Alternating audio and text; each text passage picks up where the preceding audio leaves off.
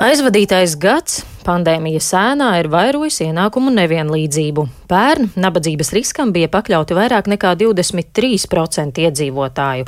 Turklāt inflācija sasniegusi augstāko atzīmi pēdējo desmit gadu laikā. Cenas ceļas tikpat kā visam, sākot jau no elektrības un gāzes un beidzot ar pārtiku. Kādu ietekmi tas atstās uz iedzīvotājiem, uz uzņēmējiem un uz ekonomiku kopumā? Par to šorīt sarunāšos ar Latvijas bankas prezidentu Mārtiņu Kazāku. Labrīt! Labrīt! Latvijā tātad pieaug nabadzības riskam pakļauto iedzīvotāju skaits, bet vienlaikus prognozes liecina, ka cenu pieauguma griesti mums vēl ir tikai priekšā, proti šī gada sākumā. Ko tas nozīmē? Nevienlīdzība turpinās pieaugt? Um, ko mēs redzam, protams, ka nevienlīdzība nav uh, pēdējā gada problēma, ka tās ir Uh, lietas, kas Latvijai, diemžēl, bijušas sāpīgas jau iepriekšējos gados, un Covid krīze to vienkārši ir sāsinājusi. Un uh, nevienlīdzība izpaužas uh, nu, vairākās jomās. Pirmkārt, ir daļa uh, iedzīvotāju, kur ienākuma aug ļoti strauji, un krietni straujāk par inflāciju, un savukārt ir daļa iedzīvotāju, kuriem ienākumi neaug vai ir samazinājušies dēļ šīs krīzes. Un tas arī šo plaisu ver plašāku. Uh, skatoties uz nākošo gadu, nu, diemžēl, ko mēs redzam, tā nevienlīdzība var turpināt pieaugt un uh, mērķēts atbalsts uh, iedzīvotājiem no valdības puses viennozīmīgi ir laba lieta. Jā, tas ir jādara, bet, protams, valsts nevar visu laiku dot dzīvi, ir jādod makšķeri. Un līdz ar to ir nepieciešams strādāt pie tām jau iepriekšējos gados iekavētajām lietām, kā prasmju uzlabošana, lai cilvēki var nopelnīt vairāk. Un līdz ar to arī ir noturīgāk pret krīzi un arī ir noturīgāk pret cenu kāpumu, jo viņiem ienākumi tad var augt straujāk. Kā tad būs ar to cenu pieaugumu? Cik ilgi tas vēl būs, cik ilgi cenas turpinās celties un vai tās paliks šādā augstā līmenī, vai arī gaidāms vēl kāds kritums? Uh, Nu, pirmkārt, jāuzsver, ka tāds neliels cenu kāpums, un Eirozonā tas eh, mērķis ir definēts 2% līmenī. Jā, tas neliels cenu kāpums katru gadu ekonomikā ir laba lieta. Pašreizējā tuvu 8-9%, protams, ir krietni par straudu. Uh, tie galvenie faktori, kas šajā brīdī rada cenu kāpumu, ir saistīti ar pasaules faktoriem, ar ekonomikas atgūšanos no krīzes, ar dažādiem uh, Covid izraisītiem ierobežojumiem, kur piedāvājuma puses netiek līdz pieprasījumam. Tas ir viens faktors. Otrs, protams, ir ļoti strauji energoresursu cenu kāpums.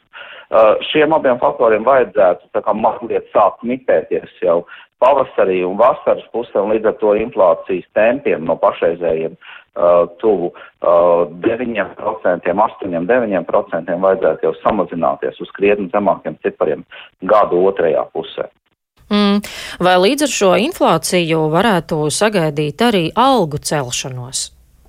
Mēs redzam ļoti strauju algu kāpumu. Un šeit, diemžēl, tas ir kā vidējā temperatūra slimnīcā, jā, bet tas vidējais algu kāpums uh, pērn ir bijis. Uh, nu, mēs, protams, pēdējā ceturkšņa datus vēl nezinām, bet pa pirmiem trīs ceturkšņiem skatāmies, nu, robežās starp 8 un 10 procentiem, kas ir bijis krietni straujāks nekā inflācija.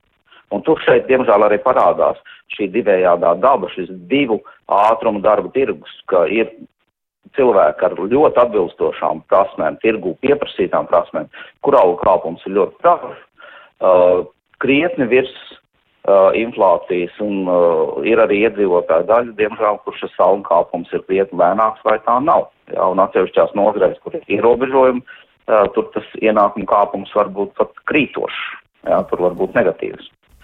Vai tas neliecina par to, ka mēs e, ieejam tā saucamajā algu cenu spirālē, kad cenas ceļas un tad e, ceļas algas un tad atkal pieaug cenas?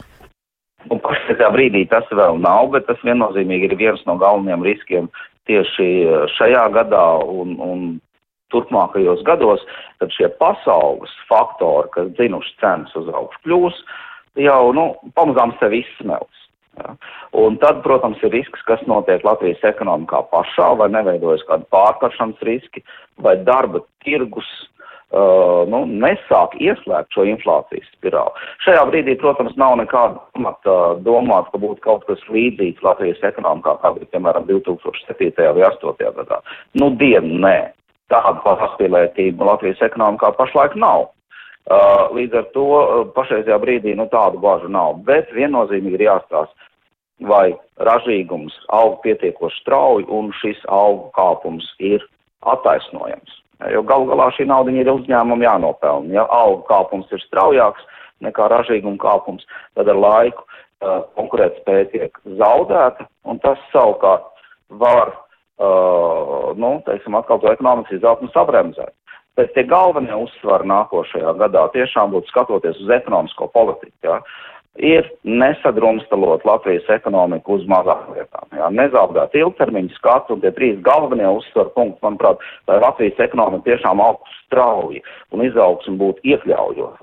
Tā nevienlīdzība uh, nepaplašinātos trīs lietas, manuprāt, ir izglītība, otrs ir Rīga kā Baltijas ekonomikas galvaspilsēta un trešais faktors ir ilgspēja un zaļais kurs.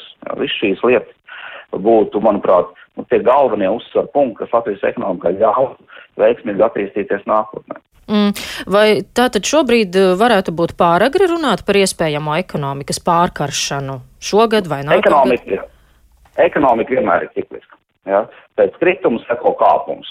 Un tad, you know, tā ekonomika parasti aug pārāk strauji, un pēc tam atkal notiek sabremzēšanās. Līdz ar to nu, tā ir neizbēgama lieta, un jautājums ir tikai, nu, cik strauji šie kāpumi un kritumi viens otram seko. Pašreizējā brīdī Latvijas ekonomikā, nu, nu kas tad ļoti izteikti lieta ir investīcija trūkums, un investīcija trūkums pēdējos desmit gados.